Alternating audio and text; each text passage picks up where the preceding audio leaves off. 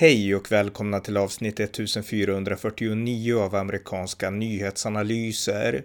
En konservativ podcast med mig, Ronny Berggren, som kan stödjas på swishnummer 070-30 28 95 0. Här följer en uppdatering om det senaste i USA tillsammans med min kollega Björn Nordström. Varmt välkomna! Björn Nordström, välkommen! Tack så mycket. Vi ska uppdatera lite om det senaste som hänt i USA och eh, det allra senaste som, som är en stor nyhet är att Joe Manchin, han sätter stopp för Joe Bidens Bill Back Better, eh, ja, slutspurten av Bill Back Better kan man säga. Jajamän, och det var inga republikaner. Nämnas skall att, att Joe Manchin är ju demokrat och han är en vettig demokrat. Han är från West Virginia och West Virginia är ju, de röstar ju på Trump till väldigt stor majoritet och eh, de är mer republikaner än demokrater, men de gillar Joe Manchin därför att han har moral och han, han är mer, vad ska man säga, han är väl en konservativ, gammal hedlig demokrat kan man väl säga. Och i alla fall, så han röstar emot det, han kommer inte gå med på det där paketet. Han tyckte att rakt ut att det finns större problem som är allvarliga och mycket mer akuta just nu här i USA, vilket jag helt håller med om. Till exempel inflationen här i USA, den skjuter i höjden nu alltså. Den är uppe i 6-7 procent nu. Och man märker, märker verkligen att priserna stiger enormt i affärerna. Andra problem som finns det är ju den här enorma våldsbrottsligheten. Det vet jag om, om Joe Manchin nämnde eller inte. Men brottsligheten och kriminaliteten i USA har ju ökat dramatiskt det senaste året. Illegala invandring är ett stort problem. Så många konkreta problem som är mycket större än det här build back better. Uh, måste lösas helt enkelt. Uh, som, som liksom vanliga amerikaner, framförallt fattiga och låginkomst, låginkomsttagare drabbas av varje dag.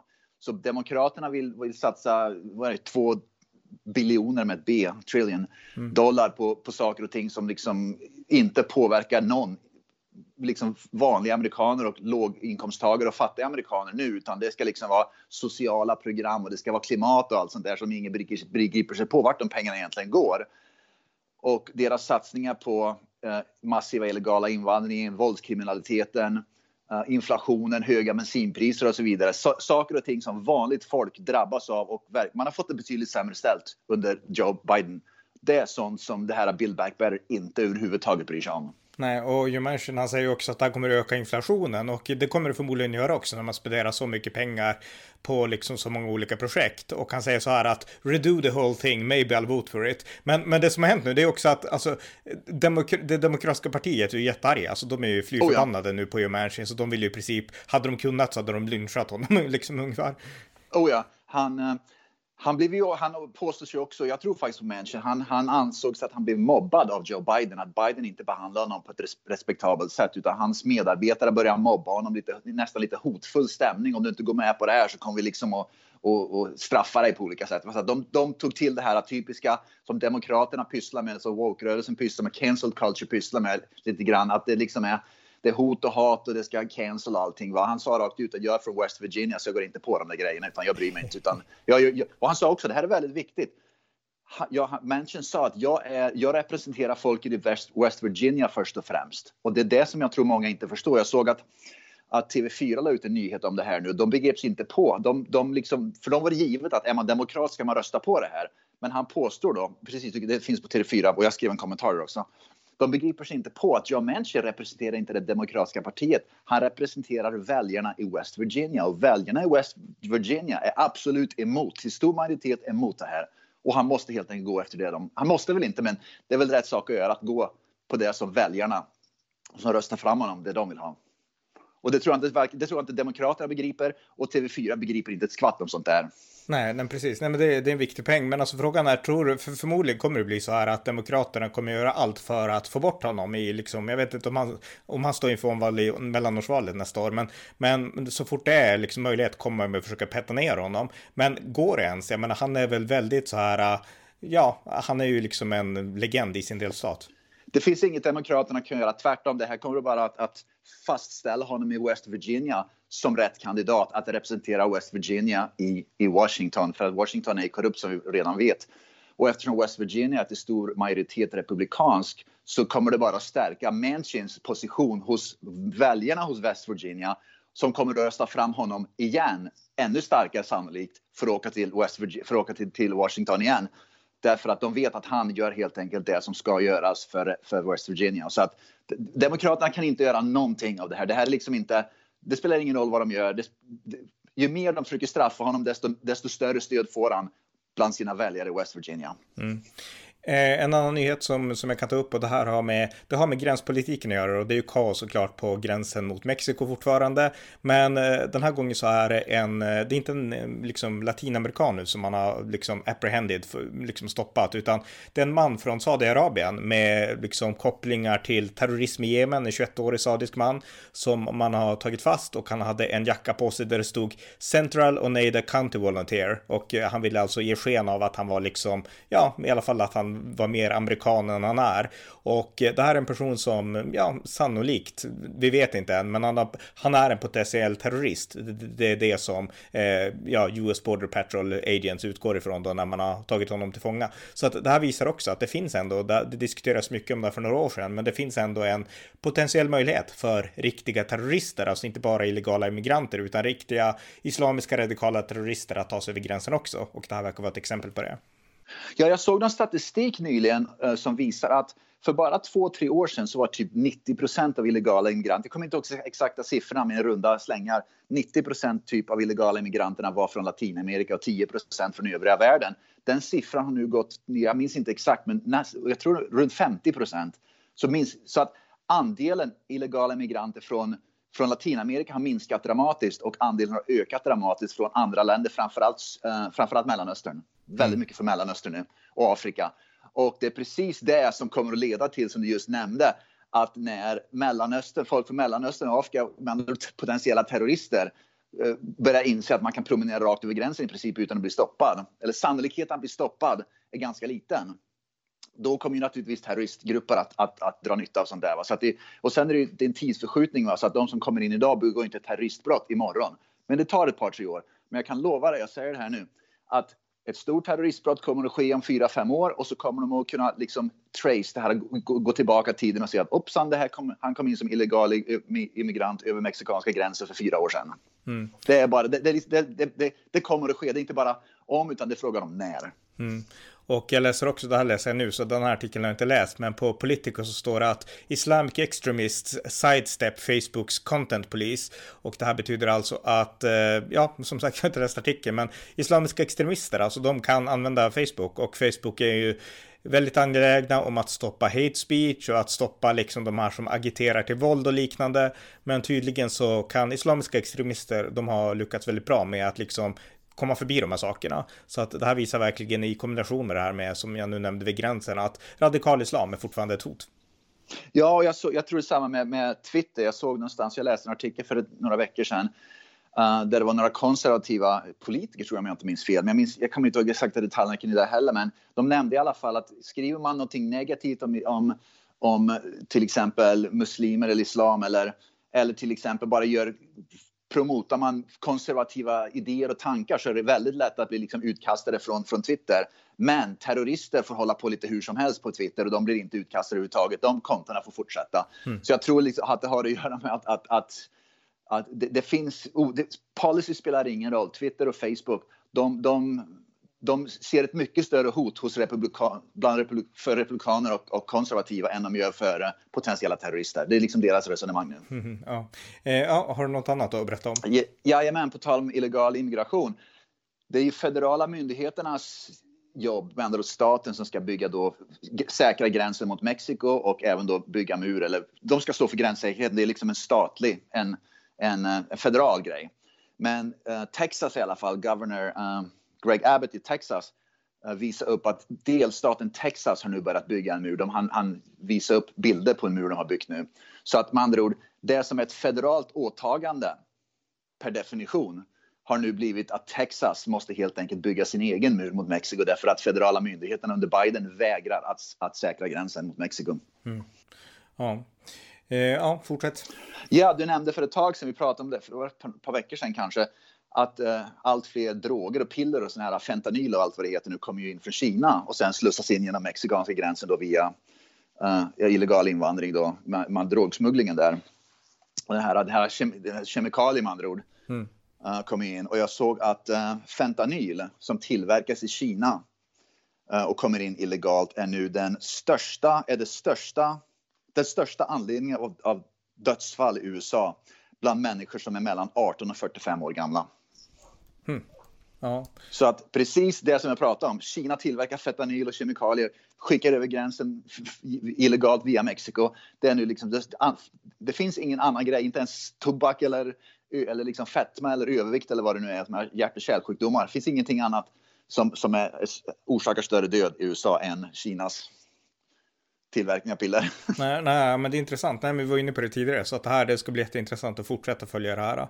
Eh, ja, eh, fortsätt på listan. Ja, men det finns. Det var ett, ett, ett, ett eh, senatsförhör för bara några dagar sedan angående eh, tillsättning av domare, inte HD-domare utan eh, det finns senatsförhör också för de lägre domarna för, för federala domstolar runt om i USA. Det är de HD-domarna som får mest uppmärksamhet, men, men i senaten så, så måste man ha senatsförhör för för domare, federala domare även på lägre nivå, men det får egentligen ingen uppmärksamhet, speciellt inte, för att det inte är lika sexigt egentligen, den här lägre domaren. Men i alla fall. Och uh, Biden har nominerat en domare och jag minns inte vad hon heter nu, men i alla fall, tror hon kvinna. Hon i alla fall fick frågan nio gånger av uh, John Kennedy, han är senator från, uh, från Louisiana. Han frågade henne nio gånger tydligen om social justice, människor som begår brott i namnet social justice, med andra ord, man går ut, med andra ord Black Lives Matter typ. Mm. Så om man, om man bränner ner en byggnad eller mördar någon när man gör det i namnet Black Lives Matter. Hon fick frågan om det ska uh, om, det ska, om, man, om, om domstolar borde förlåta sådana brott eller om de ska bestraffa sådana brott. Hon vägrar svara på den frågan nio gånger. Och det visar liksom att det är en domare som är aktivist. Därför att för mig, är det ju för dig med sannolikt, det spelar ingen roll om du begår brott i namnet i namnet liksom nazism eller Black Lives Matter. Spelar ingen roll. Ett brott är ett brott. Det ska bestraffas, punkt slut. Mm. Ja, precis. Eh, ja, fortsätt. Ja, om du kommer ihåg Nicholas Sand, Nick Sandman, vi pratade om honom också. Mm. Uh, var det förra podden typ. Det var han som för ett par år sedan. Han, stäm, han stämde ju massa, massa media nu i alla fall. Har gjort det under de senaste två åren, typ vad det är. Och han gjorde en stort settlement med CNN. Och bara för ett par dagar sedan så gjorde han ett enormt ett stort settlement med NBC också.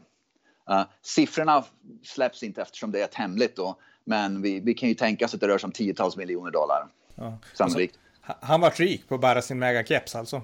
Absolut, det, det är absolut. Och, och, han nämnde också att han har sex, sju stycken tidningar, bland annat New York Times, Washington Post. Och han nämnde också att den här killen Kyle Rittenhouse borde också nu gå ut och stämma massa media, vilket Rittenhouse såklart kommer att göra. Mm. Så att förmodligen samma CNN och samma NBC och samma Washington Post som behöver pröjsa då Nick Sandman miljontals dollar kommer även nu snart att behöva pröjsa um, Kyle Rittenhouse med. Mm, just det. Ja, fortsätt. Uh, ja, på tal om Rittenhouse i alla fall. Kanske nämnde det. Han, han ska ju plugga i Arizona på Arizona State University, men det är tydligen upplopp över det och att man vill stoppa honom från det. Liksom det visar ju toleransen hos de här. Uh, oavsett om han är frikänd så, så anser man att han inget är att göra i alla fall. Och det visar ju också hur intolerant folk är. Men däremot, det är det som är så, så, så paradoxalt med allt det här. Om du är en mördare som kommer ut från fängelse, då öppnar samma människor upp med öppna armar att nu får du komma, vi vill, vi vill ha in dig i vår community och vi vill, du får absolut komma hit och plugga. Du måste få en andra, en tredje och en fjärde chans, även om det är en pedofilmördare typ. Som är liksom, uh, som är fälld för det. Då går det bra. Men om man är frikänd för brott, mm. då går det inte bra. Allt, allt, allt handlar ju bara liksom om om vem det är som liksom vem det är bakom den. Om man står på den så kallade goda eller så kallade onda sidan, precis. Ja, precis. Eh, ja. Eh, ja, har du något mer? Jajamän, Elon Musk, han som är, uh, vad är det så, grundare av Tesla och allt det där. Mm. Uh, han i alla fall ligger i luven i alla fall på Elizabeth Warren nu och Joy Reid, så de bråkar mycket. Det börjar med att Elizabeth Warren och Joy Reid anklagar Elon Musk för att inte betala skatt i USA. Mm. Han betalar ingen inkomstskatt för att han har ingen inkomst. Däremot betalar han en jäkla massa skatt därför att han, han har ju då investeringar som han betalar skatt på varje år. Men investeringsskatten är lägre än inkomstskatten för honom. Va? Men han betalar ju enorma summor i skatt baserat på då aktier och sådär som han säljer. Men inte på inkomst. Det begriper ju inte de. Va? Så att de anklagar honom för att han, han de, de kallar honom för en, med andra ord, en, en frilansare ungefär. Han, han liksom, vad heter det? En freeloader, frilansare. Han, är liksom, han lever på samhället typ sådär och han reagerar kraftigt på Twitter. Och han, han på både Joy Reid och, och Elizabeth Warren och sa att de har ingen aning om vad de pratar om. Jag betalar massor, mer, massor med skatt och jag kommer att betala, betala ännu mer skatt under 2021 än jag gjorde 2020.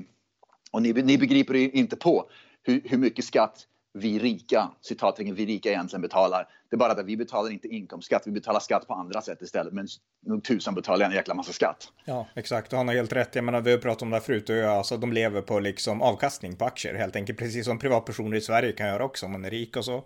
Så att, eh, ja. Ja.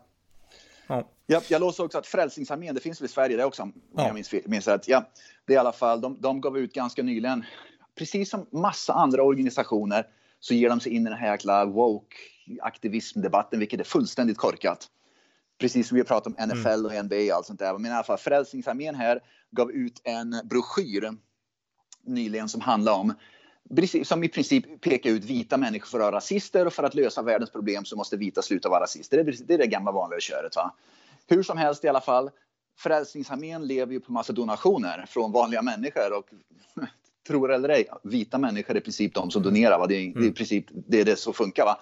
Donationerna till Frälsningsarmén här i USA har sjunkit dramatiskt sedan den broschyren kom ut. Mm. Så vita människor reagerade och tyckte att det här är för jäkligt. Jag donerar massa pengar och sen blir jag anklagad för att vara rasist. Så nu får de vad de vill. Så nu är de desperata efter pengar för deras mål. De har sätter ju alltid upp ett mål. Va? Vi vill ha så här mycket donationer för det här närmsta kvartalet. Vad det nu är, va? De är inte i närheten av att nå sina mål längre. Så att de sköter själva inte bara foten i huvudet och det är rätt åt dem. Ja, verkligen, jag håller helt med. Eh, ja, eh, jag läste också att Donald Trump, han, också, han pratar också nu om att inflationen är ett enormt hot, säger han. Och eh, liksom de dyra energipriserna är en orsak. Och så, han, han är väldigt kritisk av allt till Bidens politik och i synnerhet inflationen. Ja, och som jag nämnde, inflationen är skyhög. Det märker man ju. Den, den, det är som sagt var grupper som har det sämst ställt till att börja med är de som drabbas mest av Bidens politik av inflationen. Punkt mm. slut. Mm. Mm. Ja, fortsätt om du har mer. Jajamän, jag läste att inte bara är det massa folk från Kalifornien som flyr från Kalifornien. Antalet människor som flyttar till Kalifornien har sjunkit dramatiskt också. Så inte bara det att folk flyr, folk vill inte flytta dit längre. Så vi pratade om det förut att vad är det, Kalifornien har tappat en uh, elektorsröst, en representant i representanthuset. Jag såg också en karta alldeles nyligen att uh, det är flera delstater som styrs av, demokrat, av Demokraterna, som är traditionellt och blåa Demokraterna, delstater som har tappat en eller två till och med eh, representanter i representanthuset. Och eh, röda delstater, vilket är Republikanerna, är de som flockar upp eh, representanter. Så att det verkar som att folk migrerar på ett sätt nu där man, man flyr de blå, demokraterna och man vill bo i republikanska delstater. Så att konsekvent, vad det betyder i framtiden är ju att, att det blir lättare, tror jag, för, de, för republikanerna att sannolikheten att de vinner val ökar lite grann. Eh, både senatsval och presidentsval därför att de får fler representanter. Texas plockar upp ett par stycken um, um, representanter. Det betyder att de får mer makt i representanthuset. Kalifornien får mindre makt och även då elektorsrösterna som röstar på presidenten ökar sannolikheten då att, att Kalifornien får en mindre och Texas plockar upp ett par. Så. Ja, och jag läser också, jag läste också att Kalifornien är en av orsakerna till att liksom, alltså befolkningen sjunker. Det beror också på att dels är det färre invandrare som kommer på grund, ja. det kanske är på grund av den federala politiken, men även på grund av att väldigt många har ju faktiskt dött i, i coronan. Jag tror att eh, Kalifornien är en av de delstater där det ändå har dött, dött flest. Så att det finns jättemånga olika faktorer som liksom som, som har lett till det här och eh, såklart också utflyttningen som vi brukar prata om. Ja.